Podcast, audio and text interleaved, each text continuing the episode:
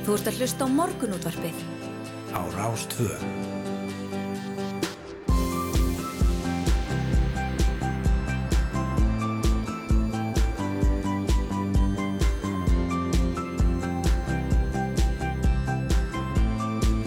Morgunútvarpið Á Rástvö.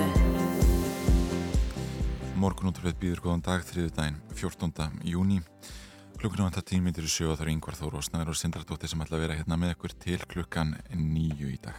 Já, gaman að því, klukkan vantar uh, tímyndur í sjö eins og alla virka daga þegar við hefum leika hér. Já, já, nákvæmlega. Við ætlum að fara vitt og breytt í þætti dagsins. Eh, eins og framögum í fréttum eru aðstæður í reynisfjörum hættulegri en nú en oft áður.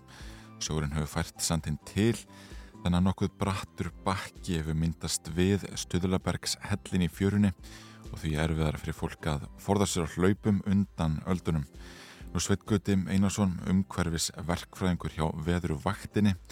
Hann vinnur nú að því ásamt föðu sínum, einari svimpi sinni, að kortleggja og taka saman öldugang og ölduhæð á svæðinu og það eru upplýsingar til að mynda að hjálpa ferðafólki að metta aðstæður í fjörunni og hann alltaf ræði við okkur í uppháðið þáttar. Æmitt.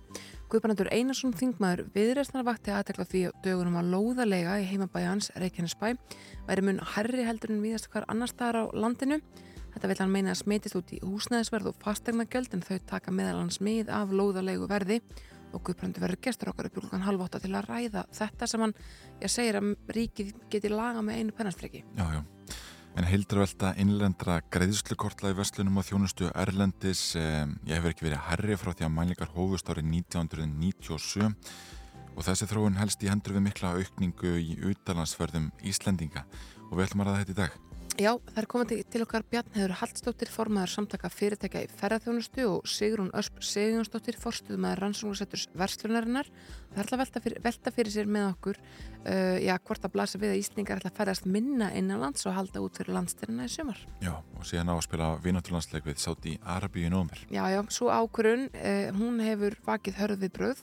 Fyrst og fremst hefur staða mannreitnindamál í landinu farið fyrir brústi á fólki sem er ekki sama um það að KSI hefur samið um þennan vináttur landsleik. En á pólitíka smitast inn í ákvarðanir íþróttarhefingarnar og hver er raunveruleg staða jafnbrytis og mannreitninda í landinu. Við ætlum að ræða þessi máluðu Einar Örn Jónsson, íþróttafrættamann og Kjartan Orra Þórsson aðjungt í mið Östurlandafræðum við Háskóla Íslands. Já, en áratöðalöngum deilum Kanada og Danmörkur um hans eigu eða Tartu Paluk óbeða kletta í milli Kanada og Grænlands er loks á enda eftir að samningar sem kynntur voru í gær tókust um skiptinga hennar. Nú grænlenskir og kanadískir einúítar hafa samnýtt eiguna öldum saman í mesta bróðerni í tengsluðu veiðar sínar og deilur um eignarhald hennar breyttu engu þar um.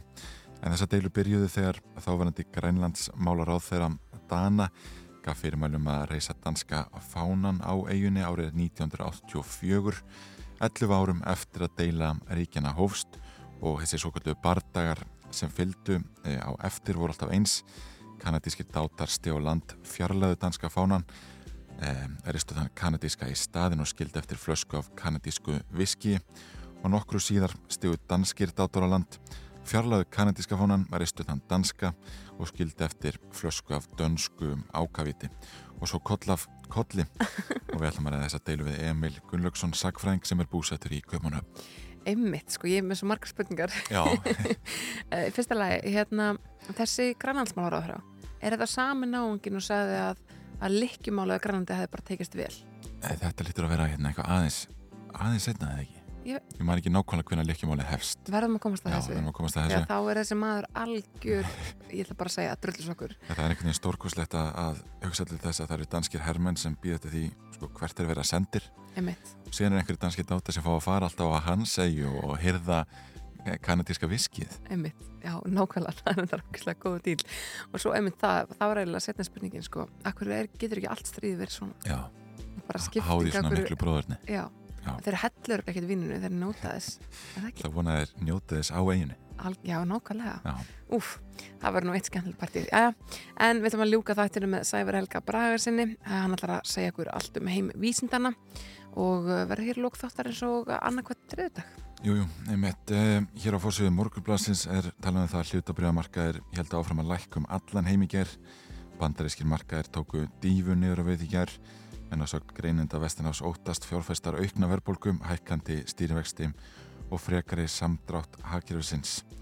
E, e, það að Nasdaq vísitalan lækkaði um 4,7% í gerð og Dow Jones um 3% og lækkurinn á heimsjós og hóstegar markaðir voru opnaðar í Asju það sem helstum hlutabrjáða vísitölur lækkuðum rúmlega 3% og í Európu hjælt lækkunin áfram það sem markaðir lækkuð á pilinu 1,5 til 2,5% við höfum svo sem nokkur rættum hlutabrjáðamarkaðin hér heima í þessum þætti Já. og þetta er svona þessi þróun sem hefur verið á þessu ári og, og sér ekkit endilega fyrir endan e, á, á næstu mánuðum allavega. Eða mitt.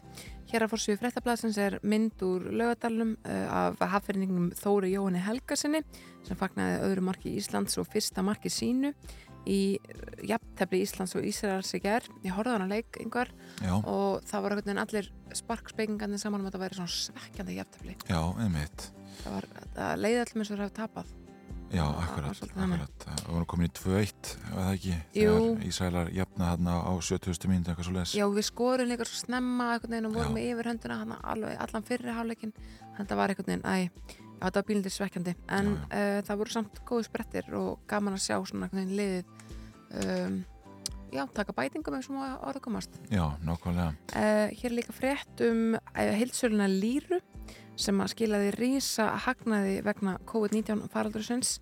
Uh, þetta er fyrirtæki, þetta er fjölskyldu fyrirtæki sem að stopna var ára 1991 fæstu sölu á rannsókna á efnagreiningatækjum og rekstraförum til efnagreininga það er semst fæðgin sem að eiga þetta uh, fyrirtæki og skiptu með sér alltaf 750 miljón krónar argræslu eftir uh, COVID-19 faraldurinn þau voru semst að selja uh, alls konar svona einhverjum, uh, selja landsbankanum veirugreiningatæki og tilhærandi efni til prófuna Já, einmitt. Einmitt fyrir uh, þau sem mögulega vöknuðu uh, svona við grindavíkur svæði í nótt, þá maður geta þess að, að uh, jörð hefur skólfið þar á Reykjanskaga í gerkvöld og í nótt og mest er skjáltavirknin skamt norður og norð, norðvestur á Grindavík þar sem skjálti á staðrinni 3,9 reyði við laust eftir klukkan 1 í nótt og um 100 eftir skjáltar fylgdu í kjörfarans segir í tilkynningu hér á VF viðstofunar þeir stærstu 2,9, 2,8 og 2,7 stærð. Má, og þeir reyðu allir yfir áður en hálftími var leiðin frá þeim stærsta en það má alveg gera ráð fyrir því að einhver hafi verið, e, já, vaknað við þetta og, og átti aðrið með að sopna e, í kjölfarið. já, það hljómar sannlega þannig þess að fólk geti að voru svolítið skekið í Grindavík. Já, já, og Bryndi Sýr Gísladóttir, jarðvár sérfræðingur á Viðastöð Íslands, sagði í samtalið fréttastofi í nótt að töluvert hafi tekið að draga úr skjáltaverkinu þegar líða tók á þriða tíman en Bryndi Sýr segir engan, engin merki hafa greinst um gós, óróa eða kvikur reyfingar til þessa. Við fyrir nú betur yfir viður að færa hér eftir sjöfrættir. Já, það er komið að sjö fréttum, við ætlum að heyra hvað fréttastofan hefur að segja og komum svo vörminspóra með eh, alls konar skemmtilegt efni og góða tónlist.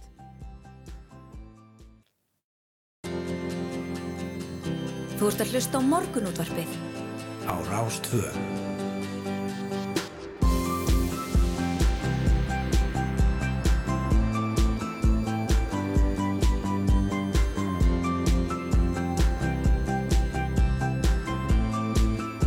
Morgunútvarpið á Rástvö.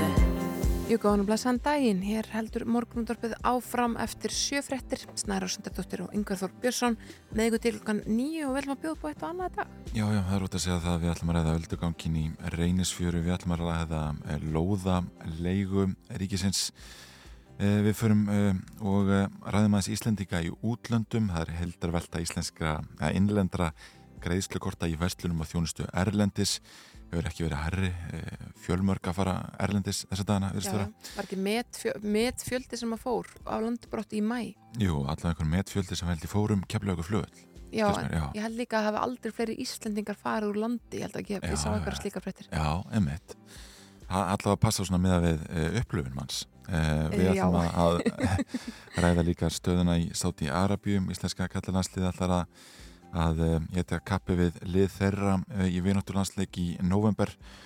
Við ætlum að ræða uh, deilur Kanada og Danmörkur um hans eigu eða Tartu Paluk og fáum síðan Sever Helga Bragason til okkar í lokþáttar. Ætla að kíkja aðeins hérna á veðrið, það segir á vef, uh, veðurstofunar að það verður suðlagar áttir í dag með skúrum, yngum sunnan og vestalands, þurft að kalla norð-austurlands fram á degi en þar er- verða einnig stöku skúrir setnipartin, hiti á bylunu 10 til 18 stig og hlýjast norð-austanlands. Um, kíkja hérna kortið á hádeginu þá sjáum við, na, já, heyrðu, er, að, það er skemmtilega að kíkja á aðeins eftir hádegi, þetta svona umtverðið. Þá er ansi bjart uh, víðast hver á landinu, það er helst hér á uh, suðvestarhóttinu, Selfossi, Reykjavík og Hvannir eða Borgarverðinum þar sem er vætusamt en annars staðar er uh, glampandi sól meira og minna, frábært veður í Bólangavík og gott um, aðeins kaldara á Holmavík, á Akureyri 15 gráður, 3 metrar sekundu, létt skíjað og eilstöðum 17 stig og heiskitt. Já, einmitt. Það eru framkvæmda fréttir hér á VF eh, vegagerðarinnar hins vegar eh, í kvöld og nótt þriðudaginn 14. júni sem á miðugudaginn 15. júni á morgun verða all þrif í kvalfjöragöngunum. Þau ætti að verða eh, já, flekklus og falleg, getur við sagt eftir það. Göngi verða loku frá klukkan 10 í kvöld til hálf 7 á mótnana þessa nætur og um morgunin og umferð beint um kvalfjörð. Nú eh, á... Er ekki þetta búa til göng með svona sjálfhreinsibúnaði eins og opnar? Já, emmitt. Það, er það, er bara, það kemur svona, það lokast bara fyrir þau Já, og svo kemur svona svona, svona, bara, svona gufu eitthvað fyrir bara sem emmitt. bara hreinsar þau. Já, ég held allavega að tæknin í kvalfjöragöngunum sé nokkuð langt frá því að, að, að við það. En uh, hér á höfuborgarsæðinum ef við lítum á sæbrautina þá er unnað að lengingu vinstri beigju agrinar af sæbraut við skeðurvok og vegna framkvæmdana verið núverandi beigjurinn lokaða hluta og þar má búast við lítilsáttar töfum á Reykjanesbrautin er sumulegis unnað að lengingu uh, vinstri beigju agrinar af Reykjanesbraut við bústæðveg og vegna framkvæmdana uh, verður þessari beigjurinn lokaða hluta og einhverjar tafir þar líklegar eh, nú á vestfjörðum eh, vegna vega framkvæmda á Þverdal. Pennusneðing er vegur þröngur og varasamur og umferð fer um gamla vegin á meðan á framkvæmdum stendur eh, hér er eigafjörðurinn líka. Þar er unnað að viðhalda á brúni yfir eigafjörð við leirum. Ljósastýring er og þrengt í eina agrin það má búið sem minni áttar umferða töfum á virkum dögum en yngar takmarkanir verða um helgar. Og það má búast við því eins og við höfum nú áður nefnt að verkinu ljúki í byrjun e, júli Einmitt. og Östurlandi eru reyndirinn okkar víða á ferð við veg og vegfærandur bernum að hafa þeir í huga og aga með gát og þá er unnað því að setja klæðingu á veginn milli hafnar og djúbáks í dag og þar er varaði stengasti og vegfærandur því bennur um að sína aðgátt það er svona hitt og þetta að frétta hér á veg, vegagerðarinnar eh, sem hættir að nálgast þar enn frekar. Einmitt. Það er líka hitt og þetta að frétta í morgunundurpunu á Rás 2 eins og þið hlustundur þekkið vel og þetta er eitt af því síðan skenn sól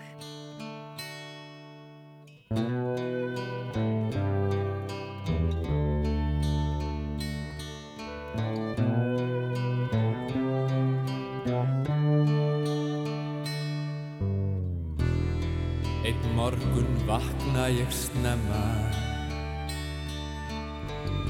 Ég anda að mér vorinu Ég horf á flauels mjúka skugga sem fagna sólar komunni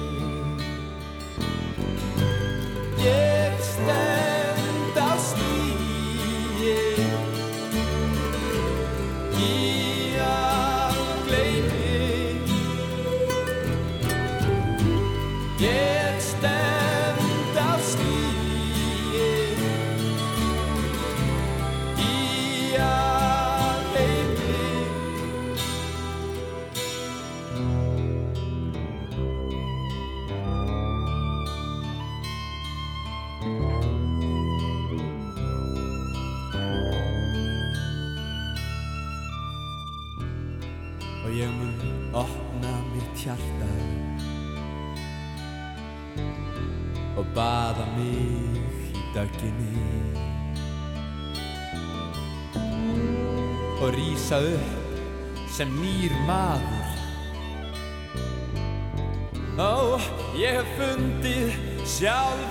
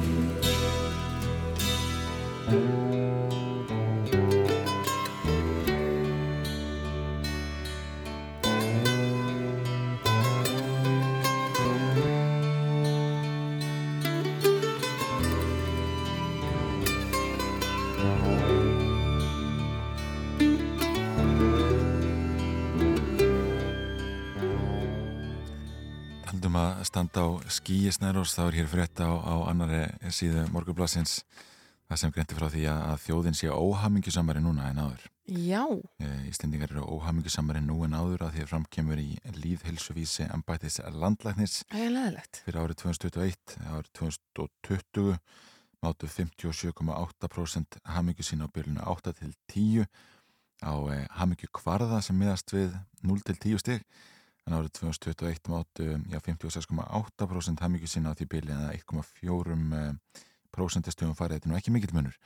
En árið 2019 var hlutfallið 60,7% en litlu minna árið 2018 Mm. eh, og kynning embættis landlæknis á líðhelsuvísi ársins fór fram á Akranesi í ger það er ekki bara það að það er skemmtilega þegar við erum hamingjusam heldur kostar óhamingja líka samfélagið eitt stig í hamingju kostar 13.000 pund.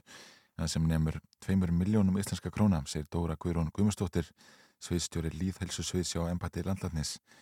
Eh, þetta eru áhugaverð fræði eh, en sumar eða nú tíminn til að ná vopnum sínum í, í þegar kemur að hamingjuna einhverju leiti Já, ég myndi klárlega að segja það að bara nó- nóga dívitamíni og, og svona, eh, sko, er þetta ekki bara faraldurinn sem er einhvern veginn aðeins að Jú, býti í okkur þarna? Við Já. náum vopnum okkar aftur í e- eru við ekki í næst hamingi samasta þjóði heimi eða eitthvað? jú, það er hérna ég, á einhvern kvarða allavega. Ég hérna, þekki ekki alveg hvort að það sé sami kvarðin sem er að mæla þetta. En það er einhvern veginn hérna, áhugavert að já, með þetta á, á kvarðinu 0 til 10 Já. og ættu kannski að byrja það á því að, að hérna, gefa okkur hamingi einhvern Sko, ég er reyndar þeirra skoðunum að hamingi sé ekki eitthvað sem breytist svona dag frá degi. Mæ, þetta er miklu meiri fasti. Maður getur átt vondan dag og maður er samt jafn hamingsamur já, ég, ég mæli mig alveg 9-5 alltaf. Já, já, eiginlega. Já, já. Það kom svona eitthvað tímabil síðasta hausta sem ég var eitthvað, mm, ég er aðeins að síga hérna. Mm getur verið komið nýri í svona 8-5 kannski. Já, það Svo hóð nú bara- samt yfir, yfir hérna já, já, meðaltalinu. algjörlega. En þetta er ekki, sem, þetta er ekki þannig að maður sé óhamingjusamur af því að það kemur einn vondu dagur eða maður mæti öllum rauðu ljósunum þann daginn sko. Nei, einmitt.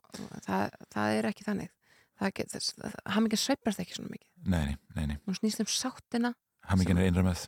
Já, hún snýst líka bara um hvað sko, sáttin sem maður hefur fyrir það veist, sáttina sem býr innra með um gagvar því sem maður hefur, Já, já, skilur mig? Og það breytist ekki svo glatt. Nei, nei, nákvæmlega. Það er líka að tala um hitt og þetta hérna í þessari rannsókn. Ölfun að drikja framhálskunum að jógst töluvert að meðlega áruna 2021 og 2020 eh, sem gefur nú nokkuð óvart. Nei, það gefur eh, náttúrulega ekkert óvart. Það var alltaf opnað allt 2021 Jú, jú, akkurat. Um 23,5% þeirra drukku oftar í mánuði árið 2020 en hlutfallið hækkaði 35% árið 2021 Þetta er eitthvað nefn þannig að faraldurinn hefur áhrif á alla tölur. Já, maður segir bara skálfrið því.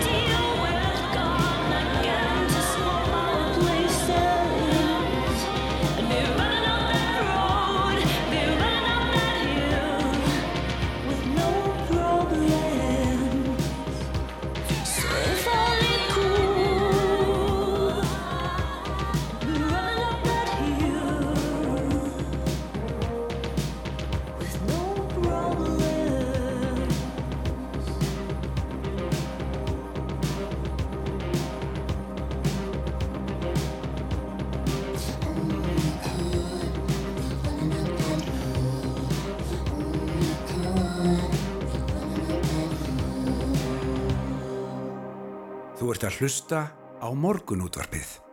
Á rás 2. Eins og framögum komið fréttum eru aðstæðar í reynisfjöru hættulegri nú en oft áður. Sjórin hefur fært sandin til þannig að nokkuð brattur bakki hefur myndast við stöðlabergshellin í fjörunni og því er viðra fyrir fólk að forða sér á hlaupum undan öldunum. Nú sveikgöti Einarsson umhverjus verkfræðingur hjá veðurvaktinni vinnu að því að kortleikja og taka saman öldugang á svæðinu og hann er hinga komin, góðan daginn. Góðan daginn. Og hvað ertu nákvæmlega að taka saman og, og hvað ætlar að gera við þær upplýsingar? Uh, sko, við áttum til í rauninni bara öldusbá, auk þess sem við áttum endurgreiningu öldu í kringu landið fyrir sístu 50 ár og mér dattir rauninni bara í hug, ég ljósa þess að þetta er þetta er að koma fyrir ítrekkað að fólk sé að fara hann í sjóin að við rauninni bara taka öldusbána sem við, við eigum í rauninni og byrta fyrir reynisfjöru Já, emitt. og hérna og í rauninni bara sína hversu mikil aldan er samanbori við meðaltal ástímans Já, þannig að fólk geti gert sér já, já fólk geti fengið upplýsingar um það hvort að núna séu miklar öldur eða litlar öldur miða við til dæmis júni almennt séð mm Mhm. Þannig að þessar, þessi gögn hafa kannski alltaf verið til þetta hefði, það hefði verið að gera þetta um leið og umræðan um reynis fyrir hofst fyrir einhverjum árum síðan.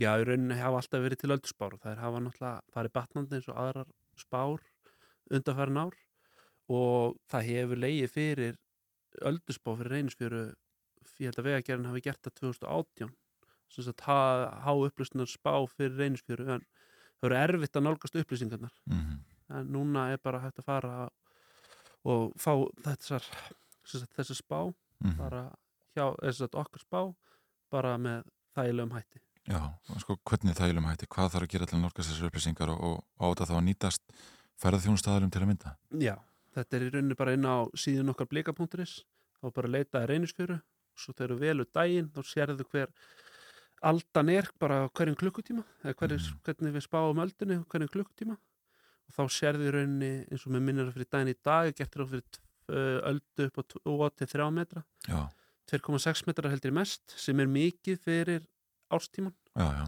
og þá sérðu það að meðalaldan er í kringum, e, kringum 1 metr í júni og núna er hún þá rúmlega tvöföld það Einmitt. mm. Og þá veitum við bara, ok, að það er aðstæður hættulegar uh, og það borgar sig jafnvel að fara ekki með fólk reynis fyrir eða hvað.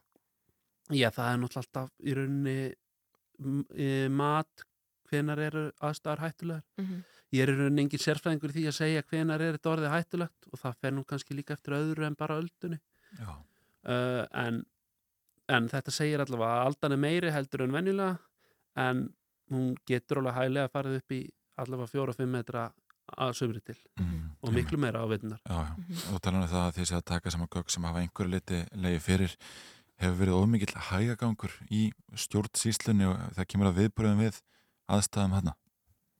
Já, nú er ég náttúrulega ekki í stjórnsýslunni og, Nei, en bara þetta var í rauninni, já okkur fannst vanta betri upplýsingar um þetta. Mhm. og, sá, og sáum að þetta var lítið mál fyrir okkur að, að sem sagt í rauninni bara byrta þessa spá. Ég er að skoða þetta hérna á síðan ykkur og þetta er mjög skýr framsetning og flott, þetta er svona mælaborð og, og hérna og það er augljóst að mælirinn er bara í hæstu hæðum á rauðu svæði núna og verður það alla vikuna, lækkar örlítið hér á föstudag en er svo í kringum já, tvo, er yfir tveim metrum alla vikuna þegar þú segir að meðaltalið sé svona kringum metra. Mhm. um, hva, hvað sko þekkir það, hvernig stendur á því að að það sé svona háð þarna núna? Já, það er í rauninni al, aldan getur borist mjög langt og aldan með suðustrendin er yfirleitt langt að komin. Að það, það sem er að gerast núna er að það er bara einhver uh, læti út á, á Allandshæfi það er læði, ek- læðagangur þar sem að síðan eh, ber ölduna til okkar Einmitt. þess að upp að suðustrendinni mm. þannig að þetta sjá þetta með einhverju fyrirvara. Hvað stefnir í? Ætla að spá fyrir um það. Já, já, ég myndi halda að þessi, þessi spá allavega 2-3 daga fram í tíman sé nokkuð nákvæm Mm. En hún byggir auðvitað bara á veðurspáni sem getur verið síðan alls konar sérstaklega þegar hort er, hort er lengra fram í tíman Já, já, En þannig að það er ekki þannig að sko aldan sé herri ef það er mikið rók því það spáir ekkit, ekkit eh, mörgum metrum á sekundu þarna. Nei, í rauninni eru öldur tvennskonar að það er, það er annars konar alda sem verður til bara nálatlandi út af rókinu Mhm. og það er yfirleitt stutt, stittra á milli, milli þeirra og það eru minni Mm. svona bara eins og kannski öldur og stöðuvötnum Mhm. Mhm. sem eru svona koma mjög, mjög ört en eru, eru litlar og síðan er það þessi uh, útafsalda sem er lengra komin og er oft stærri og getur verið mjög langt á milli aldnana. Já, einmitt. sem er svona það sem gerir hlutin að vara sama í reynisfjöru að því að fólk áttar sig ekki á því að, að já, næsta alda verði gífilega stór Já, einmitt. Og það er akkurat aldan sem við erum yfirleitt að sjá í reynisfjöru. Þessi svona, hvað getur við sagt, sem fólki finnst einmitt fallegt að horfa á og svona langt á milli og, og skemmtilegt að hlusta og, og hættulegt líka. Einmitt. einmitt. Sigurd Einarsson umhverfisvarkfræðingur hjá Veðurvattinni takk fyrir að kíkja til okkar í morgunutvarpið og, og ræða já, þessar upplýsingar Takk fyrir sem er How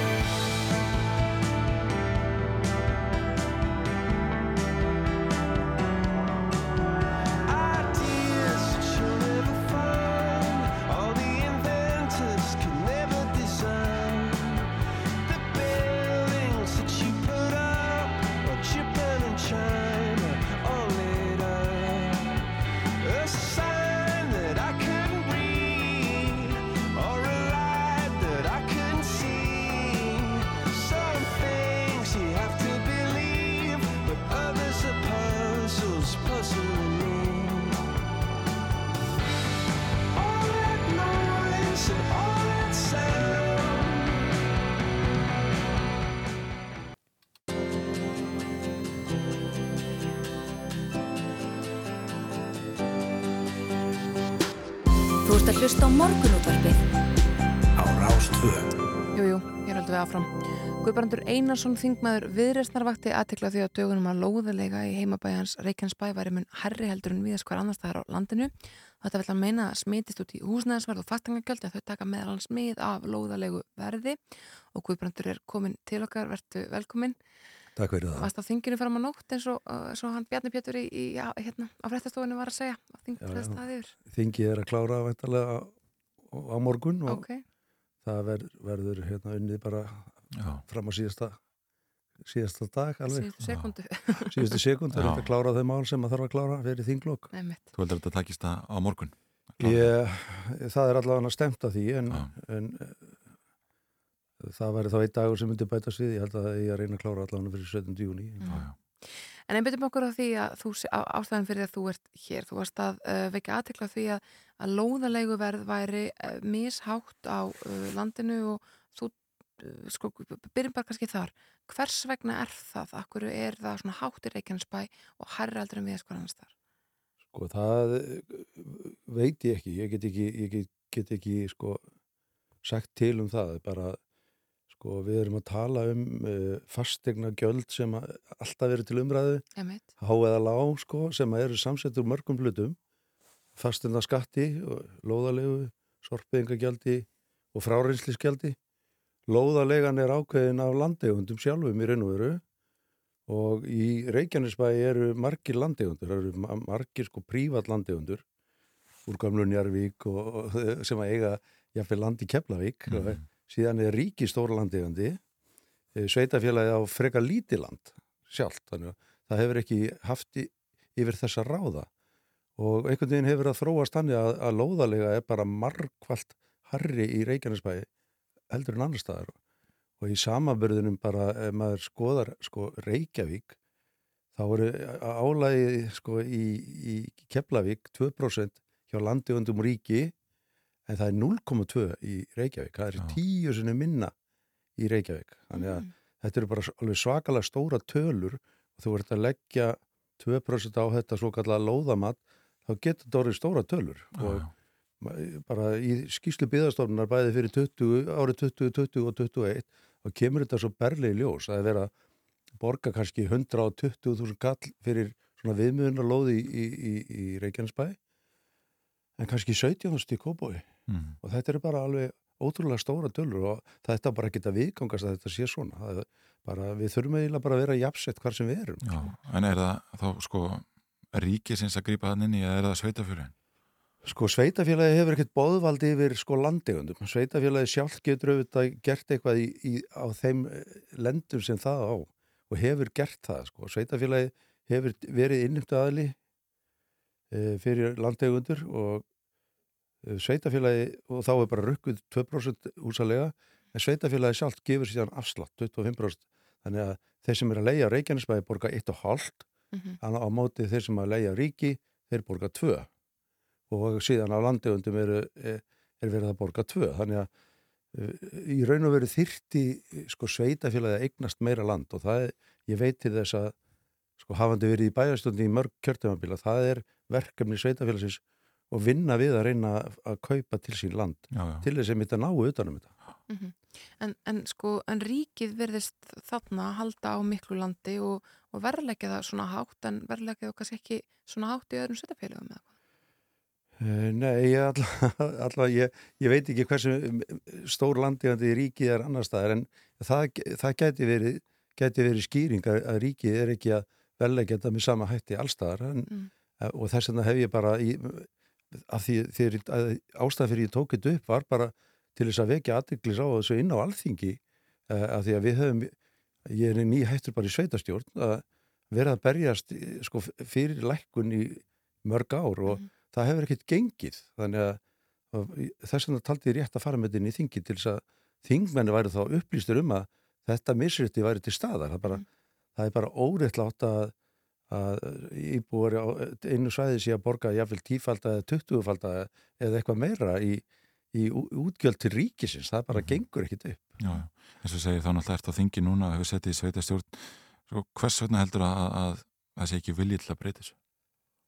Sko ég, eh, við rættum einhvern tíman við uh, sko bæjarstjórnin við uh, hátsettan embatismann í ráðurindinu og óskuðum eftir lækkun og loðulegu í, í, í Ásbrú sem er gamla varnarsvæðið. Og þá fengum við þá skýringu að, að, að þetta er ekki, ekki lækkað vegna þess að í, íbúður í Ásbrú hefði verið seldar svo látt og þess eru þeir að ná inn uh, peningum í gegnum loðulegana Mm. En ég sko sætti mig ekkit við svona skýringar vegna þess að ríkið er búið að hýrða milljarða út úr ásbrú og, og skili sveitafélagi eftir með þjónustuna. Þannig að ríkið tók til sín sko við, við söluegna alveg bara fullt af penningum Mhm. og, og það ætti bara að vera nóg fyrir ríkið að hafa tekið þá penninga og ekki skilja síðan íbúana sem keiftu í góðri trú með miklar skuldbyttingar á, á bakinu til, bara til langara framtíðar. Hvað er þetta hátt hlutfall af fastegangjöldum fólks?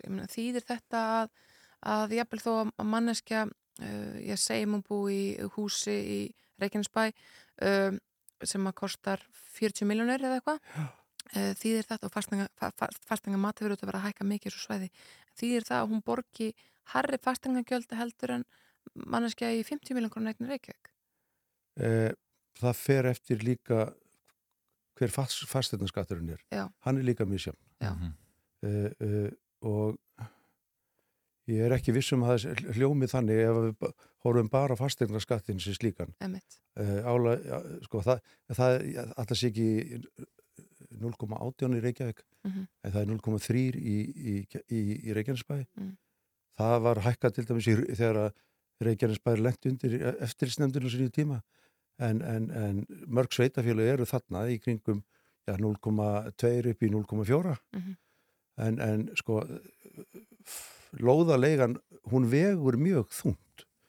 Og ef að lóðaleigan í Reykjanesbæ var í sambarlega við lóðalegu annar staðar þá myndi Reykjanesbær standa bara mjög vel í samanbyrju annir sveitafélag en hann gerir það bara ekki núna. Nei. við erum tal, skorum talsist átt allir við séu ekki þriðja efsta sæti svona þegar allt er lagt saman á, á landsvísu einmitt vegna þess að lóðalegun er svona há. Mhm, einmitt. þannig ef við næðum lóðalegunni niður á eðlilegt plan þá held ég að við værum bara mjög vel samanbyrðahæf Við komast ekki lengra. Guðbrandur Einarsson þingmaður viðrestnar takk kærlega fyrir komuna í morgunúttarpið Takk, takk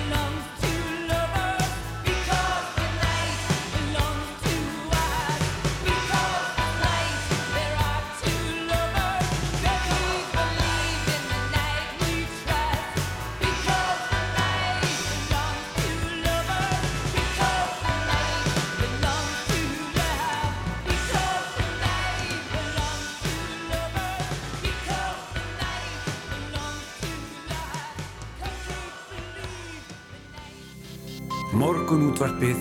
Á Rástfö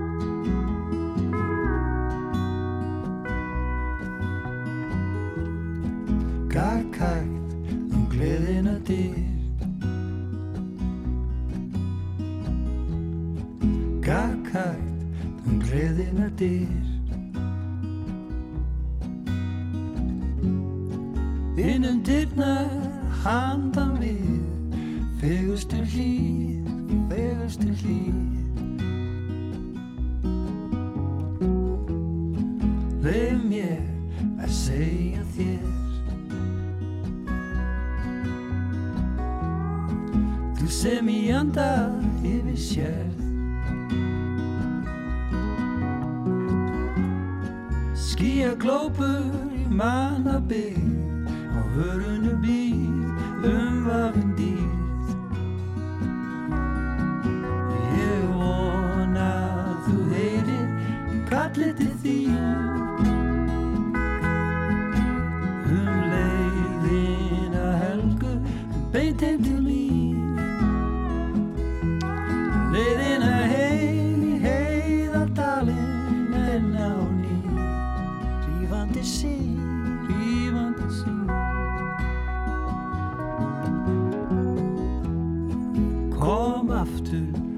aftur heim. Taktu aftur mitt sála megin Ljós beri manna heim Legðu stein,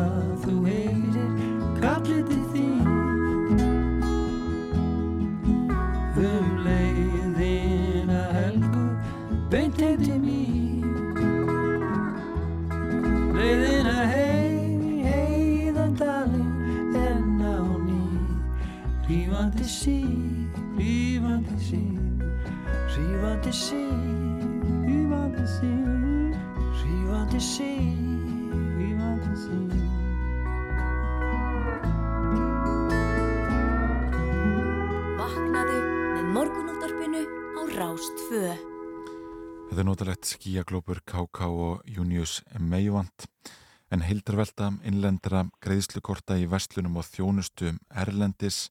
Ég hefur ekki verið að herri frá því að mælingar hófust árið 1997 sérst í síðasta mánu.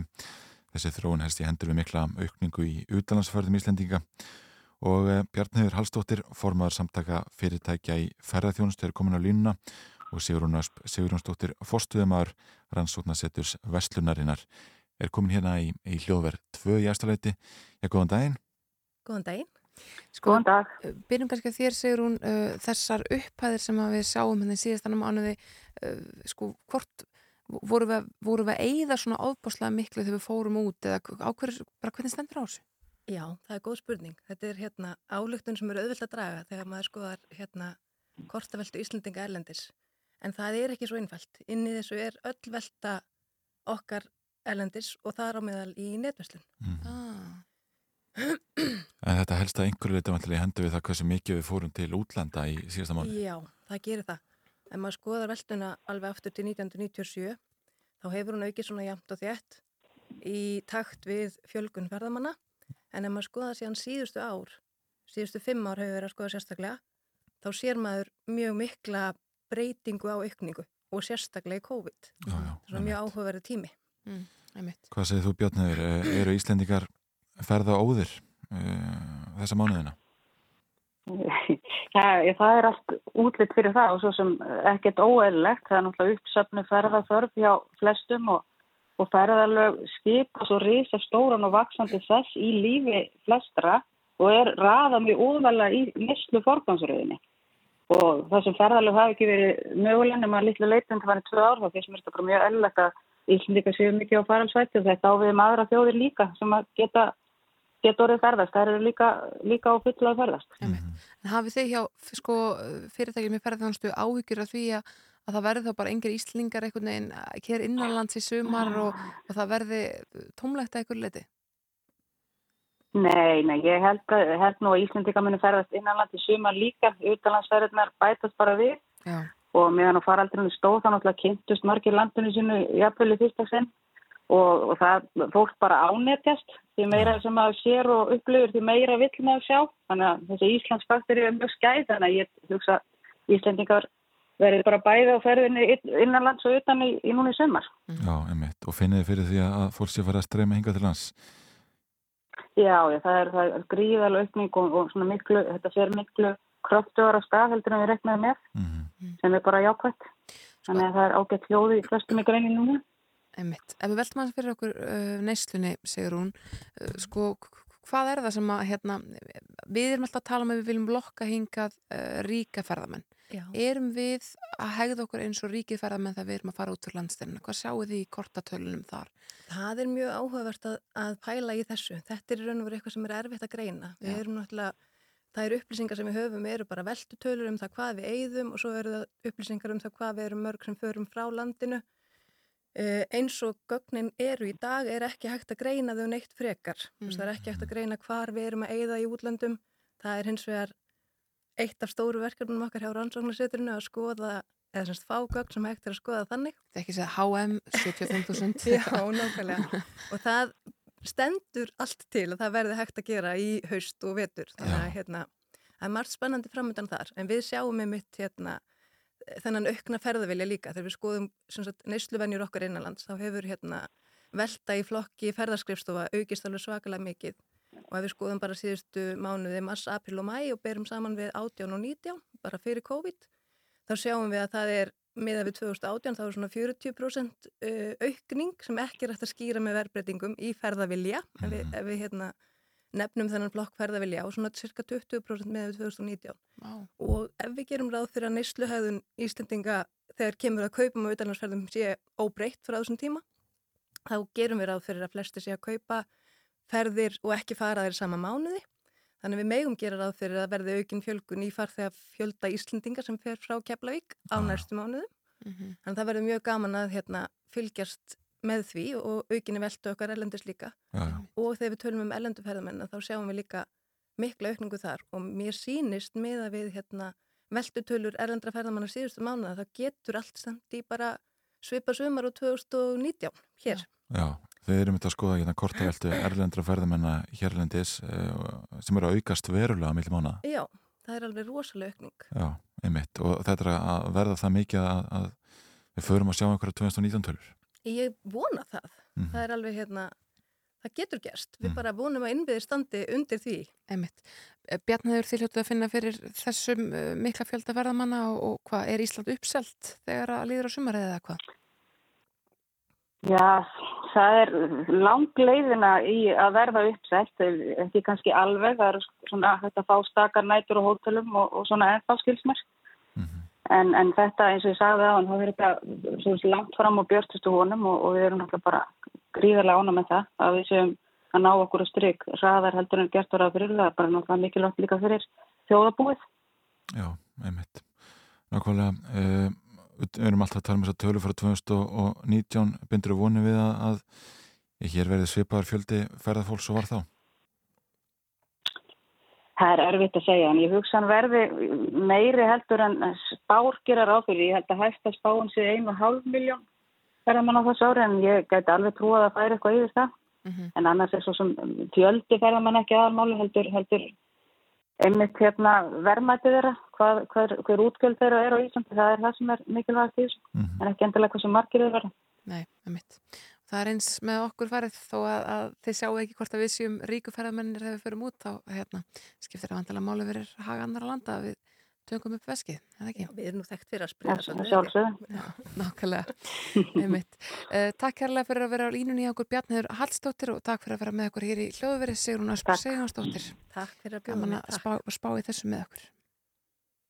Já, kannt að lifa með fólki, kanntu að standa með þér Þér ber engin skilda til að líða alltaf vel Horfum aðeins inn á við og látum okkur sjá hvað það er sem við viljum taka á. En ég mæli með að feysa það sem þú vilt. Ekki sjá.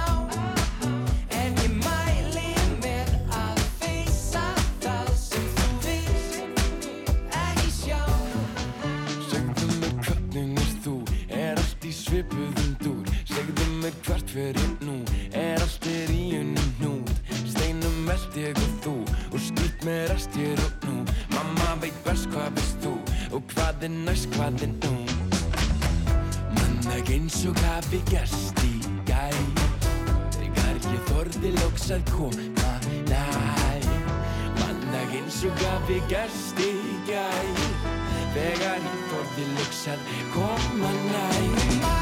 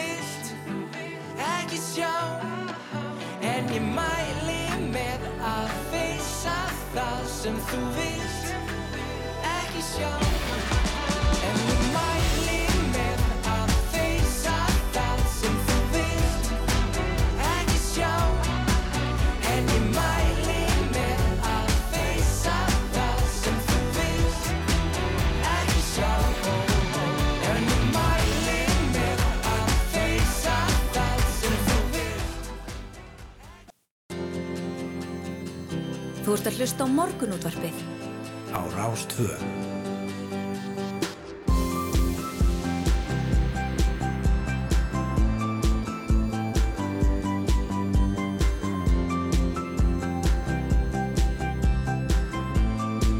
Morgunútvarpið á Rástfö. Jú, áfram haldum við hér eftir átta frettir Snæra og Sindardóttir og Ingvar Þór Björnsson með ykkur tilgan nýju. Ætlum að velta næst fyrir okkur ákvörðum KSI um að semjum að spila vinátturlandsleik við Sátti Arabíu í november svo ákvörðum hefur vakið hörð viðbröð og fyrst og fremst vegna stöðu mannrindamála í landinu.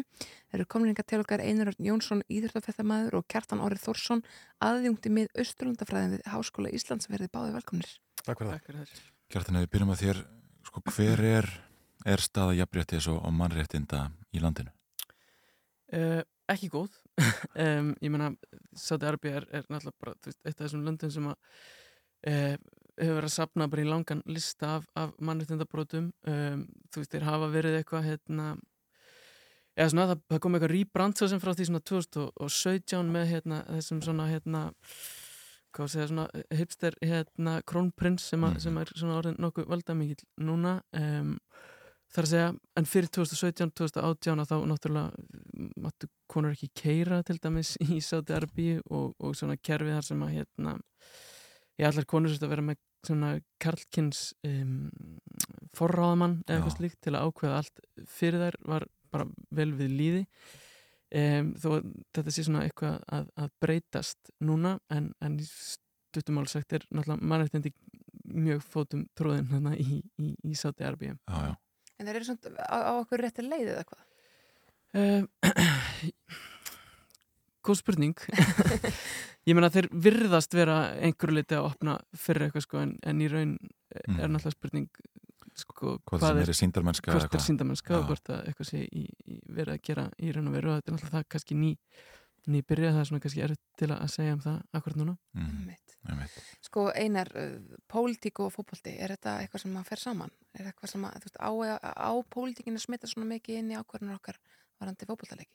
Já, það er náttúrulega þessi eldgamla mantra um að pólitík og íþróttir eigi ekki að fara saman en gerir það einhverja síður eiginlega alltaf og, og ég held að þessi svona mantra einhvern veginn á aðalega við um að, að leikmenn séu kannski ekki að, að bera með sér á velli einhverjar, einhverjar merkingar sem að gætu tengst pólitík. Þó að, að svo, svo stefna sé, sé líka orðin miklu, miklu mýgri núna í setnitið en ég held líka bara með, með almennt meiri, meiri umræðu um og vakningu um mannréttindamál eða mismunandi stöðu mannréttindamála í hinum og þessum löndum sem er að keppa síðan innbyrðis í, í íþróttum að þá smitast þetta óhjákvæmilega mjög harkalega inn í.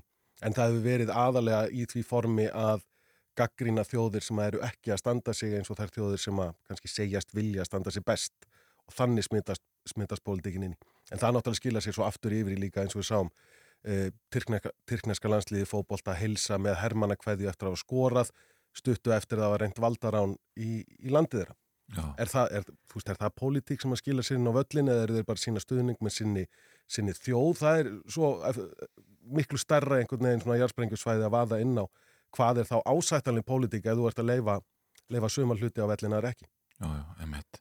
Við sjáum að, að heimismistarmótin alltaf haldi í, í Katar í ár, það er þessi umræðum þetta, eh, ef við horfum að þetta svæði og fótbollan, þá er náttúrulega, já, við sjáum að fótbollan er að fá meira rýmið þarna, það hefur svo sem alltaf verið menning fyrir, fyrir íþróttum á þessu svæði og, og fótbollan sjálfum. Já, og fótbolti er náttúrulega svona nokkuð, bara, er mjög vinsæl íþrótt þarna eins og heila allstaðar annar staðar held ég, en ég menna samhengið er svona, þú veist, þessum pólitík mætir hérna, hérna íþróttum er náttúrulega mjög mismunandi og þarna e, akkurat í Katar og, og, og kannski í Sátu Arbi einmitt líka er, er náttúrulega verður við að tengja þetta við þetta svona sem að veist, er kallega sportswashing og hvað sem er verið að, að svona bæta ímynd þessara landa sérstaklega Katar og Sátu Arbi til dæmis a, a, og hérna í, í hennu svona stóra geopolítiska samhengi einhvern veginn í gegnum fótboltan en auðvitað er sagan ótrúlega löng og, og, og hérna ekki hægt að, að,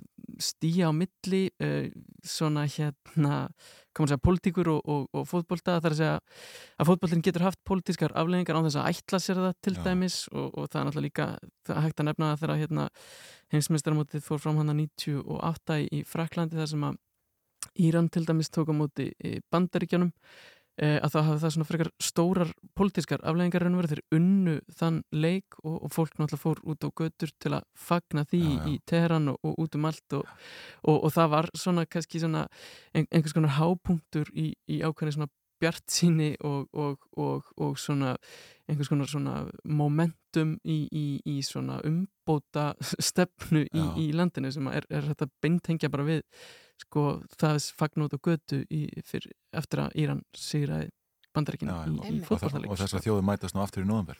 Þær mætast aftur í november í Katar emitt, þetta er hérna áhugavert svona sögursvið sem að við erum að ganga inn í hérna í, í Já. En það er svona einhvern veginn eins og samkrull íþrótta og fótbolta og pólitíkur sé í lægi á stóra sviðinu. Mm. en í svona minni ákvörðunum er það alveg, alveg banna. FIFA tekur til dæmis algjörlega alfarið fyrir það að stjórnvöld skipti sér af liðunum beint. Sé eitthvað að hafa áhrif á hverju þjálfari eða hvaða leikmenn eru valdir. Slíkt er litið mjög miklu hortnöga hjá, hjá FIFA.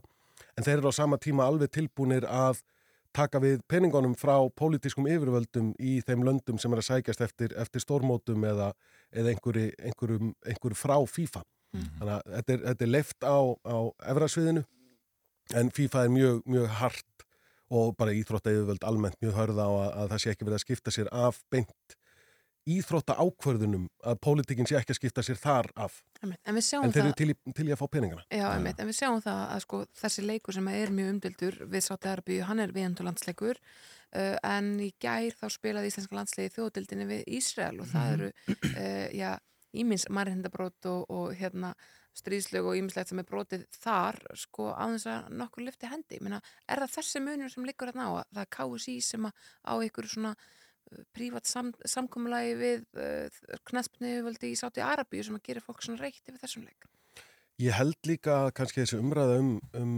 sátana núna er svolítið mikið að því hvað þetta er augljóst sportswashing, svo við notum það kvítþvottur með, með íþróttum. Já.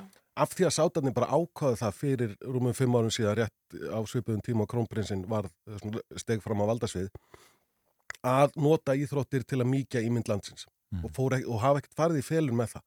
Og beita fyrir sig fjárfestingasjónum sem að, að nafninu til er, er sjálfstæður sem er náttúrulega engin, engin kaupir almennilega að sé sjálfstæður.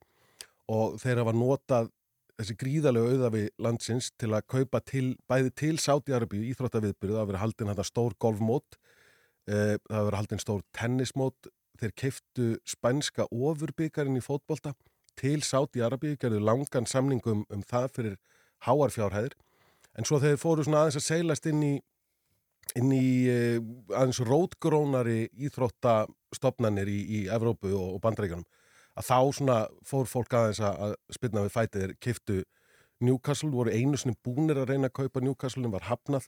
Svo náðu þeir að kaupa Newcastle sem að vakti miklar deilur á, á Englandi. Og svo þessi stopnun nýrar ofur golfmótaraðar eiginlega svona til höfuðs bandarísku PGA mótariðinni sem náttúrulega hefur gert allt alveg, alveg brjálað í, í golfheiminum í, í þessari stærstu mótarið heims. Þarna er náttúrulega sko, pólitíkin bara búin að stíga inn á íþróttasviði sko, og, og frá þeir, þeirri hlið í raun og veru sko, þannig að það er hérna samhengið er bara þannig að, að pólitíkin er komin inn í íþróttirnar og það er ekkert svona eitthvað sem að hérna, fólk er að blanda hérna, inn í bara eitthvað að finna upp á því á Twitter eða eitthvað Nei. svoleið, sko, þetta er bara, það er bara þannig að Já. pólitíkin er búin að stíga inn á þetta svið sem að er hérna íþróttir, þar að segja að það eru pólitísk yfirvöld þarna í Sáti Arbíu sem er að notfæra sér íþróttir í pólitískum tilgangi. En hefur þetta áhrif á viðþorf íbúa þessara ríkja til stjórnvalda? Ég meina, já, eflaust sko, um, en, en það hefur, það er náttúrulega bara kannski svona mismunandi samhengi eftir í hvar það er mitt og, og, og hvernig það er og ég meina eins og ég var að nefna áðan að þú veist í, í Íran til dæmis, svona í krigum aldamótin var, var þetta kannski svolítið, já, öðruvísi samhengi það sem að í staðin fyrir að, að hérna, að, að svona einhvers konar stjórnvalda propaganda eða eitthvað var að komast fram í gegnum einhver svona, hérna, Já, fútboltana, þá, þá var það frekar sko svona hérna breytingar sem, a, sem að einhvern veginn fylgdu með þeim sigri sem átti sér stað þá. Þannig að hérna þannig að sko það er kannski svolítið þetta er svona smá, kannski sprengjusvæðið einhverju leiti sko hvað hérna eða sem sagt hvað það er sem að kemur út úr svona hérna pólitík og hérna, ég meina, við veitum alltaf hvernig íþróttir eru svona hérna hátt adrenalín og, og mikið passjón og, og, og ástríða og, og allt þetta sko þannig að hérna erfitt að stjórna ástríðu til dæmis þannig að hérna þetta er, já það er, En skiptir Ísland þarna einhverju máli? Sko, er uh, þessi vinundurlandsleikur bara vinundurlandsleikur eða skiptir máli að við erum uh, nánast fremst í heimi þegar kemur að jafnbrytismálum? Er það þess vegna sem að Sáti Arabía hefur samband og vill leika hann leik við okkur? Mögulega, ég myndi ekkit útiloka þann möguleika að þeir hafi valið Ísland og haft samband við Ísland einmitt út af okkar svona yfirlýstu stefnu í gegnum tíðina í, í mannréttindamálum. Svona friðsal ára og jafnbrytisríki ríki og allt þetta. Já, en svo er þetta náttúrulega líka bara æfingaleikur fyrir, fyrir stormót og það er oft erfitt að verða sér úti um góða æfingaleiki í, í aðdraganda stormóta því að það er náttúrulega alla stóru þjóðarnir eru líka að, að finna sér. Þetta, þessi leikur, þetta er svolítið erfitt að setja nákvæmlega fingur á hvaða þýðingan hefur fyrir sátana að þeir eru sannlega að búa sig undir, undir stormót. Ef þetta væri eitthvað svona leikur sem væri hluti af einhverju veistlu sem væri haldin langt frá einhverju mótum og ekki neinu samband eða samhengi við það, þá væri þetta alveg, alveg augljóst einhvern veginn að það væri verið að velja okkur út af dollu. En, en mjög svolítið erfiðar að setja fingur á það, á það núna. Hversu langt voru sátarnir komni niður listan sinn af liðin sem, sem þau langaði að spila við og enduð á, á Íslandi. Já. En, en fyrst við erum að tala um að pólitíkin sé að skila sér inn í þetta líka að, að Vanda Sigurgesdóttir formaði KSI hefur náttúrulega varið þessa ákvörðun með því að, þau leituðu ráða hjá utanrengisráðanitinu sem hafði ekkert Mhm. við þetta aðtóa en engar deilur svo sem á milli landana Nei. og að Vanda hefur sagt náttúrulega að þau telji að samtal sé vænlegra til árangurs til að koma á einhverjum breytingum í, í þessum heimi eða þessum heimsluta heldur en að útiloka þjóðir og það er náttúrulega er pólitík líka Já. að segja við erum með konu sem varaformann, sem formann, sem framkvæmdastjóra og að fara þarna og taka í hendur og halda ræður skili meiru en að, en að útiloka þjóðirnar Já. og það er náttúrulega pólitísk afstæða líka í rauninni þó að sé kannski ekki á neinum hægri vinstri ás nei. En er einhver dæmi um það að uh, fótbolta yfirvöldi í einhverju ríkjum hafi neitað að spila við aðra þjóðir á einhverjum fórsöndum mannréttinda og, og jafnréttis? Þekkið þið það? Já, Íranir náttúrulega bannar hennilega sínum, sínum íþró, sínu íþróttafólki að keppa við Írani Já. en það er kannski ekki endilega á forsendum mannréttinda en eitt svoleiðis, það er bara þessar árþúsunda trúadeilur á, á þessu, þessu svæði. Já, svo er náttúrulega líka bara mjög nýlegt dæmi þessum að hérna Kanadamenn og, og, og Íranir voru búin að bóka vináttu landsleik emitt í Kanada um, en, en hérna það varði ekkit úr honum og að því að það bara fólk var ósátt við það þar að segja vegna þess að það er nú ekki langt síðan að Íranir skutu fyrir slisni niður uh, farþegarþótti sem innihjalt nokkuð magna af kanadískum ferðamönnum.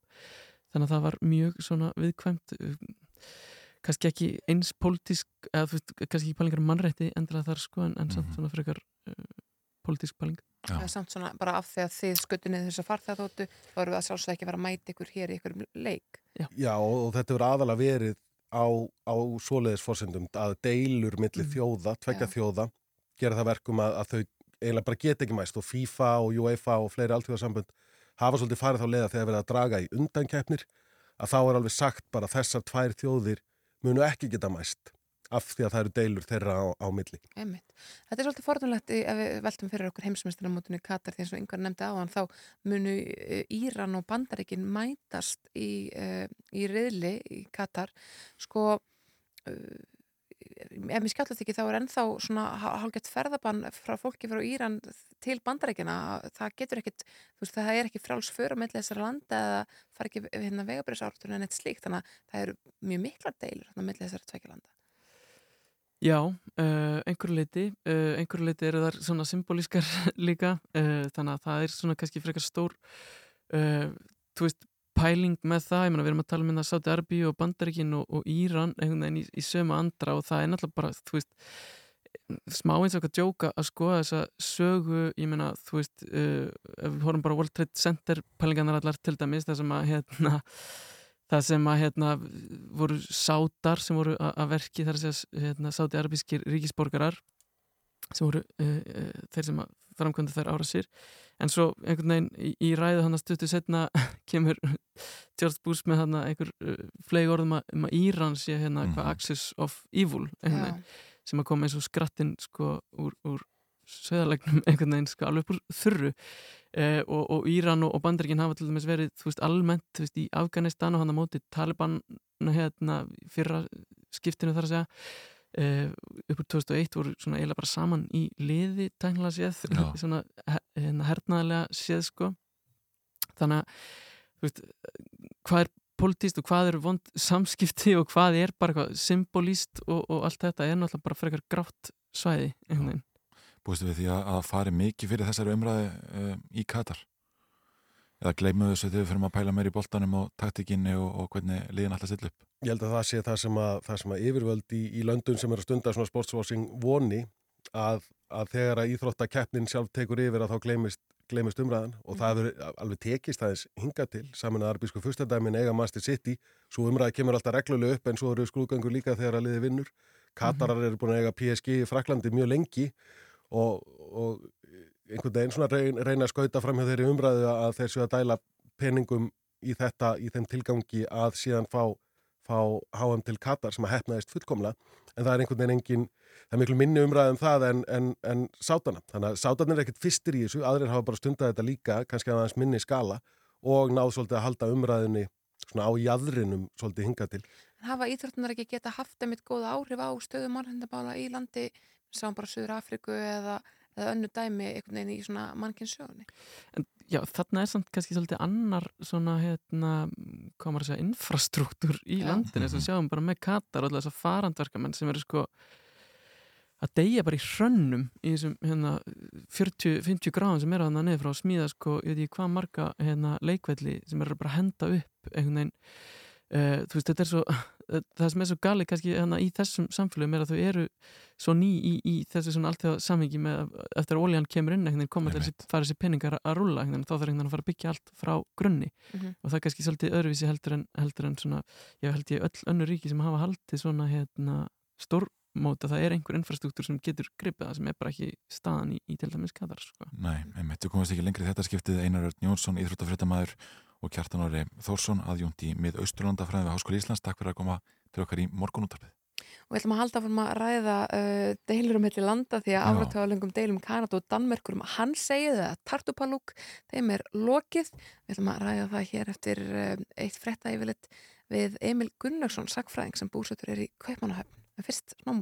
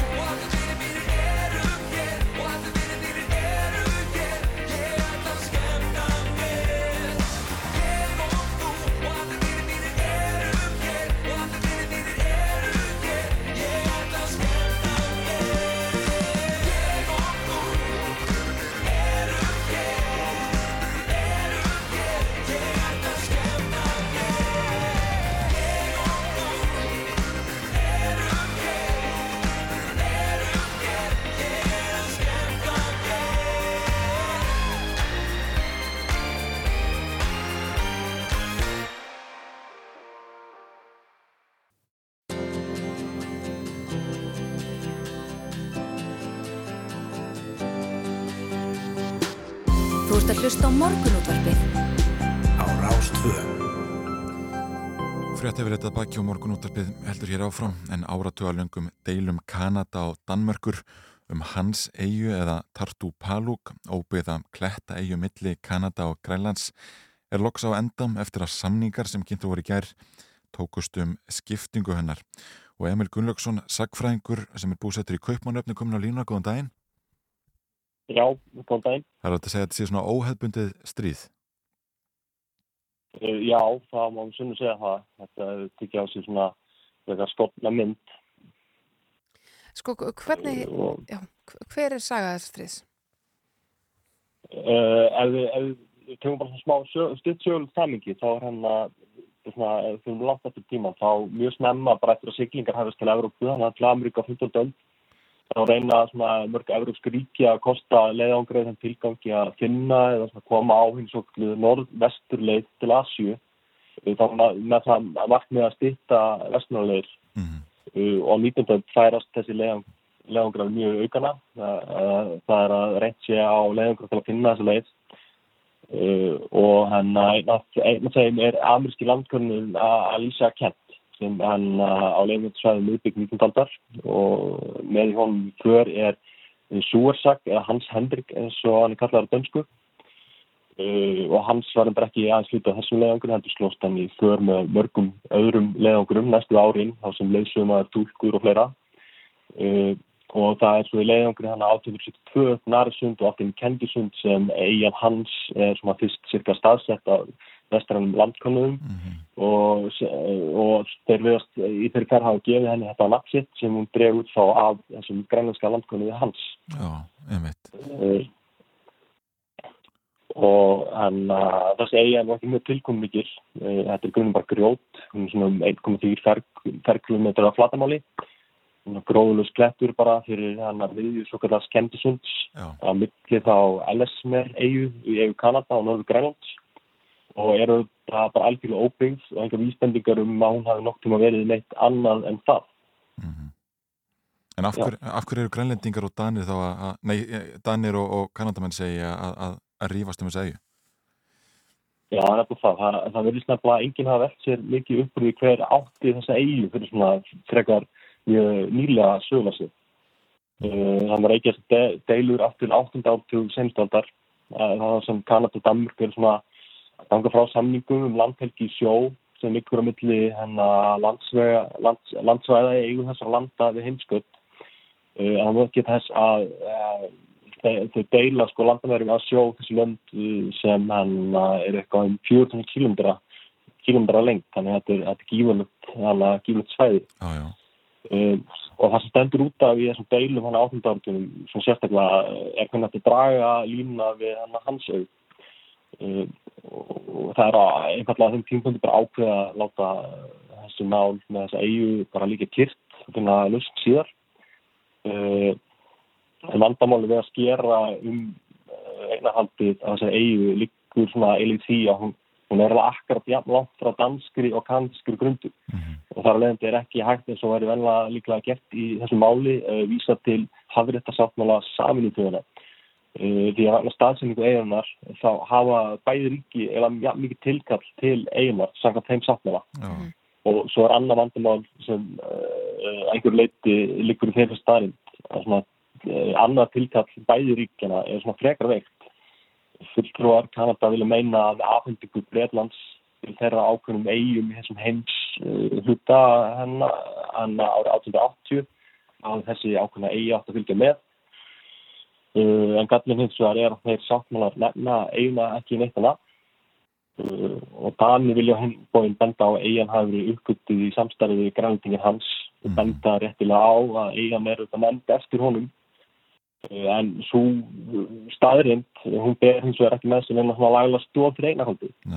Og, og það er, hægt að be- og það er líka að benda það að hans var bara eini danaríkis í þessum leiðangur í á 19. sem fann eiguna sem var annars bara amerískur leiðangur Einmitt. en já, að, að þessum deilum uh, ríkin ákveð þá bara einfallega að vera sammála um og ósamála uh, og þessi ágreiningur hann liggur hann uh, svo sem eftir það bara í ákveðum dala, dala til ásins 1984 uh, þegar, það, þegar kaldamenn gera þess að ferða einu og skilja eftir þjóðfánu sinn og eins frækt er eina flösku af viski. Uh, og dönsk stjórnvöld voru fljóta bregðast svona með svona einn heimsók til eirinnar uh, þegar sáverandi ráðhæða græðinsmála fór hann sama ár uh, hann leti þetta taka niður kanadíska fánan fyrir þann danska en skildi svo eftir eina flösku að ágöfdi og það er þessi, hefð sem vorum að vísa til að þessum hermenn þessara þjóða uh, árina eftir uh, skiptið sér reglulega á að koma, taka niður fánan og skilja eftir flösku uh, svo kallega viskistrýð eins og hefur nefnt Já, já, og þe- þetta er gert í miklu bróðirni, það er ekki verið að, að minna, það er ekki verið að rífast mikið þarna, þetta það kemur ekki til mikil að deilna. Þetta er svona, er svona góðfúsleg og svona skemmtilega milliríkjadela, þetta ég segja, með margar aðrar. Einmitt. Sko, en hvernig vita þér, að fyrst þetta er bara svona þessi klettur eins og lýsir, hvernig vita þér að það sé komin nýr fáni og ný flaska? Uh, það er spurningi, ég held að það sé, það er náttúrulega býst ég reglubundi eftirlit á vegum hann að danska og hann að danska hersins, ég, held að þessum er herstuð, þannig að ekkert ekkert það mörg hundru kilómetra frá að það, hýttur að, það er náttúrulega siglingaleg norður, þannig að það hýttur að sjást bara. Sjá allt inn í danska fánan og vita að það er eitthvað gott sem býður þeirra. Akkurat. En er mikið um... Hvað segir segirðu? Ég, ég ætlaði að spyrja þig hvort það væri mikið um það að það væru eigur eins og þessar, að það sem liggur ekki alveg fyrir ljóst hvert eignarhaldið er og, og en ríkin er einhvern veginn svona í, í hérna í, í svona miklu bróðurni að hafa eitthvað stríð og, og skilja eftir vín og, og eitthvað svona. Uh, nei, uh, ég, ég fann alltaf ekki mörg dæmi svo og þetta er rauninni eins og ég skilja þá er þetta eina deilan á uh, norðurhöfum uh, hana, í, á norðurheimskut þar að segja um sko land en ekki bara hana landhelgi sjó. Einmitt. Uh, og, og, en það er búið að leysa þessa deilu núna sem sagt, og stríðinu lokið þannig að það verða enga fleiri viski og ágafiti sendingar á milli landana eða eitthvað Nei, uh, nú er ballaðin slútt eins og orðaðinu á dönsku blöðum. Því að síðan 2018 hafa samlingamenn á við Danmarkur og Grænlands og Kanada uh, starfa því að reyna að finna einhverja varanlega laust að þessari hansegu og hún verðist til sjónmáli og hún verðist til að fólkinu því að skipta þessari eigu einfallega bara ja, upp á milli þessar landa og nokkuð einn þannig getur maður verið ánægð með það sem samningum sem verða þessi kynntir í 8 á í dag eða það var mjög Eh, þá mun Dani fá yfir á því 59% eiginu og Kanadamenn aðeins 41%. Já, já. Um, en yfir á eigunar mun hins vegar með samningum líka að falla að formlega í hendur grænlendinga og frumbyggja kanadiska sjálfstjórnahersins uh, núnavitt mm. en ekki hennar Ótava og Köpunhamnar. Það eru góða fréttir Já, einmitt. Erðu Emil Gunnlaugsson, sakfræðingur í Kaupunum, takk fyrir að vera á línunni hjá okkur í morgunundarspinu. Já, bestum ár.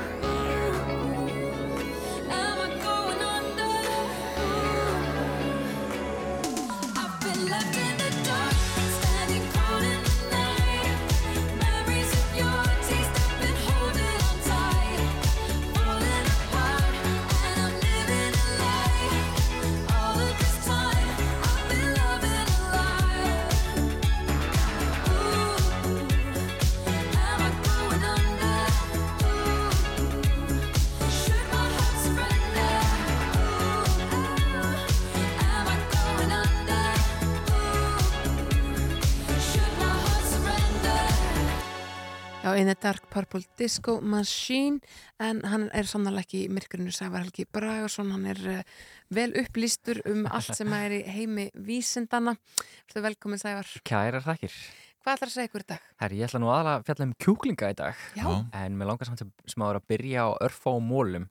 Svona fyrst að þú sagðist að ég væri upplýstur. Þá er eitt annað fyrirbæri upplýst akkurat núna og verður fullt núna klukkan 11.52 í dag. Að- Það það er er- tunglið, Já, þess að einmitt. Þannig að það er fullt tungl í dag. Og ef einhverstað viðrar nógu vel í kvöld til þess að sjá tunglið, þá hveti ég sem flesta til þess að gjóa augunum eftir því. Uh, það er nefnilega frekar látt á lofti og tunglið þegar það er fullt í júni að þá svona svolítið líkir það eftir hæð sólarinn er í desember. Þannig að það er rúslega látt og fyrir vikið mun það virka frekar uh, svona stórt á himninum og uh, hvað var að segja, uh, liturum verður líka svolítið svona skemmtilegur. Mhm. Uh, þetta hefur svona bleikan jafnvel svona svolítið gildan blæ á sér og í heiminum er það fyrir vikið þekkt sem jarðarberja tunglið eða jafnvel hunangstunglið. Já, já. Þannig að hérna, ef einhvers stað sest í heiðan heiminu kvöld en, endilega að kíkja á honeymoon. Það sem það blasir við mjög látt á lofti einhvers staðar á himnunum í kvöld. Mm. yes, og svo náttúrulega er vika í sumarsólstöður. Þannig að hafi gætum ekki verið meira upplýst bara hreinlega núna. Og sumarsólstöður verða sérst á þriðinni næstu viku og því miður fyrir okkur flest öll vendala þá fyrir sólinn lækandi lofti og hægt og rólega eftir það Mhm. en fólk þarf ekkert að örvænta þar sem að það er nóg af björtum, fallegum sumarnóttum og, og sumardögum framöndan vonandi Eh, Svo eitt lítill múli annar í geimnum er að uh, James Webb geimsjóningin, hann varð fyrir smá uh, árekstri núna í, uh, fyrir rúmum tveimum vikum síðan, einhvern tíma millir 2003. og 2005. mæ að þá uh, skall á einum spekli sjóningans lítið svona geimarða, þar að segja pínlítið kort, sennilega grjót eða jafnvel ís sem olli pínlítið tjóni á einum af spekli sjóningans og þetta er eitthvað sem að menn viss að myndi henda sjóningan uh, og með það hvað svo lengin hefur verið geimni þá kemur þetta ekkert óvart. En það er búið að gera ráð fyrir öllum svona viðburðum þannig að hérna, þetta mun ekki skerða getur sjónungans til þess að taka fallega myndir. Mm. en við eigum vona því að þetta muni koma til með að gerast mjög reglulega. Já, það er bara þetta endur einhvern veginn stilla speklana. Já, það eru svona litlir svona mætti ég að kalla þetta svona eins konar drullusokka aftan á sem eru svona ítunum svona hreyfi liði sem að geta stilt hann örlítið til og frá.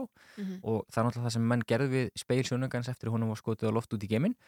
Og þetta er líka getur hjálpa okkur að, að yfirvinna einhvern svona skala sem uh, á sér stað. Undir honum er náttúrulega þessi kaptón hlífar sem er á stærfi tennisvöll. Og það er svona eins og skotelt vesti einmitt til þess að verjast svona árekstrum af því að það er komað svona í stundum í svona lótum þegar við sjáum til dæmis svona loftstina drífur á heimninum þá er hægt að breyta afstöðu speilsins eða sjónungast þannig að færi þetta yfirleitt bara á magan og verður það alveg ekki fyrir, fyrir skada þannig að það, við bara býðum spennt eftir myndunum sem verða núna byrtar 12. júli næstkomandi. Einmitt. og þá kannski fagn einhverju með því að fá sér gómsætt djúbsteikt risaðlugjöð, kjúkling en ég sem sagt eh, rakst á mjög áhugaverða greinar sem fjalla um það hvernig kjúklingar og menn urðu svolítið svona samrýmdir. Hvaðan kjúklingar komu í heiminum. Og þetta hefur verið ráðgótt en núna með því að rannsaka jarðalög og rannsaka bein sem að- af kjúklingum sem að fundist í jarðalögum út um allan heim og gera svona geislakólsmælingar það segja aldursgreina kjúklingabeinin þá hafa menn komist að því að kjúklingar sneru að koma úr frumskóum Suðaustur Asíu og voru þá uh, aðeins öðruvísi heldur en í dag uh, fyrir um það byrjum 3500 árum. Og þar uh, gerist það á hrískuruna ökrum og elstu kjúklingabein jarðar hafa fundist en svona hrískuruna akri í, í Tælandi. Þannig að menn svona með því að breyta landbúnaðarháttum virðast hafa dreigið þess, þessa tegund úr frumskóunum sem hafa síðan fara að gæði sér á, á hrískurunum og, og ymsum öðrum uh, hlutum sem að menn voru að rækta. En þaðan virðast síðan uh, fugglinn hafa flust með mönnum uh, bara út um allan heim komið til Evrópu fyrir kannski svona 2800 árum síðan.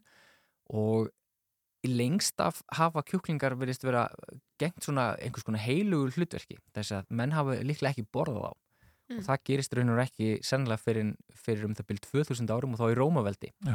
þegar Rómverjar gera það vinsælt að geða sér á eggjum og kjúklingakjöti Mhm. og þaðan verist þetta hafa komið, komist til Bretlands til dæmis fyrir um það byrjum svona 800-1000 árum sem sveipa leiti og, og menn voru að setja stað á Íslandi og uh, eflust hafa okkar forföður líka þá komið með kjúklinga fljótlega frá Skandinavíu þannig sem við bárust kannski frá Bretlandi eða, eða jafnvel frá Róm. En þú sagðir að, að kjúklingar væru litlar risaðlur Já, allir fugglar nútímans eru afkomendur risaðala og hvernig lifðu þær af uh, stóra, stóra loftsteinin Já, það voru ekki allar risaðlur sem dó út, bara Nei. 75% af öllu líf á jörðinni dó út við þann árakstur og meðal annars flegar risaðlur þannig að hérna fyrruðu veröldna sem við sjáum og syngja en vorið að þeir eru allt saman afkomundir risaðluna þannig að KFC er ætti náttúrulega að heita KFD eða ekki? Kentucky Fried Dinosaurs. Hvað sko. önnur, önnur hérna, dýr eru, eru svona uh, einhver afbreyð af risaður? Uh, sko, eh, þau eru ekki mjög mörg hérna í dag en margir hafa náttúrulega verið að giska á einhvers konar svona krókudilar og svoleið sem eru afkomendur uh, svipa, eða þess að þetta er sammeðlega forföður. Þetta er ekki beinlinni, beinlinni svona risaðlur Nei. sem að, en þannig að fuglarnir eru, eru þeir sem eru, en það sést það líka bara á fótunum á þeim, þannig að hefur skoðum þau, en svo náttúrulega er kannski áhugavert að horfa á þessa afkomendur risaðala í dag vegna þess að kjúklingar eru lang algengasti fugl í heiminum í dag það er um það byrj 70 miljardar einstaklinga í heiminum núna af kjúklingum og það er meira en 40 sinum fleiri einstaklingar heldur en á næst algengastu fugli í heiminum sem er rauðgoksvefari heitir hann. Og þeim hefur fækkar hressilega út af ágangi manna og hvernig við förum til dæmis með skóa og svona þannig að við höfum breytt svolítið eh, lífmassa fugla í heiminum og gert það að verkum að kjúklingar eru fjórum til fimm sinnum starri af, af lífmassa heldur en allir aðrir fuglar í heiminum samanlagt Mm. og það er bara vegna þess hversu mikið af kjúklingakjöti við, við borðum Einmitt. og það má ekki síst reykja til náttúrulega þess að Harland Sanders bjóð til uppskrift sem er afskaplega gómsætið það ekki þegar hann er búið að steikja kjötið í einhvers konar ofni sko. Já, einmitt, en, en þetta er, þetta er náttúrulega ekki lífurur sem að lifa neitt sérstaklega svona uh, góðu og, og fullnægandi lífi Nei, alls ekki. Uh, Við sjáum nefnilega merkið þess og vísindamenni sem voru að rannsaka beinum fundu heilar beinagrindur af uh, svona kjúklingum og sem sýnur okkur það líka og í gröfum við hliðin á mönnum sem sýnur okkur það að þessir fuglar hafa verið jarðsettir með mönnum og hafa þar hann gengt svolítið mikilvæg hluturki, rautu til dæmis á, á myndir líka og svona. En s- það gerist líka svona í snemma á 20. öld að s- o- ofurmarkaður í bandarækinum efni til samkeppni um það hvaða bóndi getur komið besta kjúklingakjötið og þá verður til afbreyði sem bara tveggja kjúklinga sem er svolítið svona ráðandi þáttur á markanum í dag þannig að við höfum líka dreigju líffræðilegum, líffræðilegum fjölbreytileika kjúklings í dag Já. og Íslandi þá er svona búskapur að hefast fyrir alvöru 1970 þá er Íslandingum kent að borða kjúklingakjött og borða egg í stóru auknum mæli og svona 1980 opnar KFC Mhm. og the rest is history, hefða ekki? Já. Já. Og þetta er svona það sem að fólk sem að er mikið í, í hérna líkasættu svona byggir mataræði setna miklu. Akkurat, þetta er go- gott, auðvelt að ná í prótín þarna en til dæmis með kjúklingana þá eru þeir í dag fjórum sinnum stærri heldur en voru í upphafi síðustaldar Já. og eða fjórum sinnum þingri sem sagt og þeir lifa líka miklu miklu skemur, lifa í meðaltali 42 daga þannig til að þeim er slátrað í verksmiðu búskapnum. það vaksa gríðarlega hratt Já, mjög hratt sem að er þá að líka hafa, geti haft einhverja svona sjúkdóma og annað þess að það er í för með sér Mm. en ég kann ekki alveg að skýra það hins vegar. sko, hvernig er fyrir okkur menn að nú er þú ekki næringafræðingur en, en, en sko, hefur það engin áhrif á okkur að vera að borða dýr sem að hafa breyst svona hratt á skamum tíma og einmitt eru að vaksa svona hratt Ég las einmitt um það og eh, akkurat, ég er ekki næringarfræðingur, en ég skal þykist vera þær núna í 30 sekundur. Uh, sérst, ég las einmitt um það að uh, fólk hefur verið að velta fyrir sig hvort að kjötið sér næringar snauðara í dag út af þeirri stærri, en svo virðist ekki vera, samkvæmt því sem ég las og ég get bara vitnum til þess, en, en það mögulega er einhver þann úti sem veit eitthvað miklu betur. sko. Já, einmitt, Já, einmitt. og að það sé ekki neitt hættulegt, ekki nema náttúrulega að sé notaðir einhverju svona einhverju svona síklarlifu og eitthvað þess að þar sem að geti verið notað en ég þekki það bara ekki heldur. Þannig að sést hvað ég veit lítið. Já, já, ok, við getum við skulum vera samanlega með og ósamalum það að þú veitir lítið Sævar. Takk aðeinslega fyrir komuna í morgun útvarpið Sævar Helgi Bragarsson, gaman að spella við þig um uh, kjúklinga og risaður Já, við ætlum að fara að kveðja í dag eh, hvað og hverju. Eh, við erum búin að fara víða í þættinum dag. Þetta nálgast allt okkar efni á rúf.is við rættum hér um Hans Eyjuða Tartu Palúk fyrir skemstu við Emil Gunnlaugsson Sakfræðing eh, Danir og, og Kanadamenn eh, verið að deila um, um þessa eyju núna í einhver, ég sé hérna 80 eitthvað Já, og þeir eru búin að leysa þessa deilu með því að skipta þessu í 49-51% held ég að það hafi Já, verið einmitt. Uh, þannig að þeir eru hættir að bera í einhvern annan ákaviti og, uh, og kandist viski og skipta fán, fána þjóðlandana Fánum út já, já. Við rættum aðeins eh, já, vináttuleikin við sátt í Arabíu eh, sem stendur til að spila núna í november næstkomandi og hefur einmitt vakið hörð viðbröð fyrst og hennast vegna hver staða mannréttinda mála er í landinu. Já, það var forðnilegt að heyra þá Einar Örn Jónsson, íþjóftafrættamann og Kjartan Ára Þórsson aðjungt í mið-austurlandafræðum talaði um svona whitewashing, hvít þvott eða sportwashing, hvað já, er þetta? Já. Já, emitt, í íþjóftarhræfingunni og það er spurningin hvort að Ísland hafi verið fyrir valinu uh, vegna já, þess að staða mannréttindamála hér í landi er svona ágætt. Já, einmitt við rættum líka um uh, já, korta veldu Íslendinga Erlendis og um ríkan ferðavelja okkar um, um þessa stundir. Við rættum loðarlegum í Reykjanesbæ og öldugangin í Reynisfjöru Einmitt. við um, já, Svein Gauta Einarsson, hann er umhverjusverkfræðingur hjá viðvottinni. Emitt. En við skulum enda þetta á skemmtunum tónum svo kemur Þórur Helgi hér eftir skamastund og spilar enn meiri músík. Hún verður ráðandi á stöðunni allan dag eins og alla aðra daga á Rás 2. Takk fyrir okkur.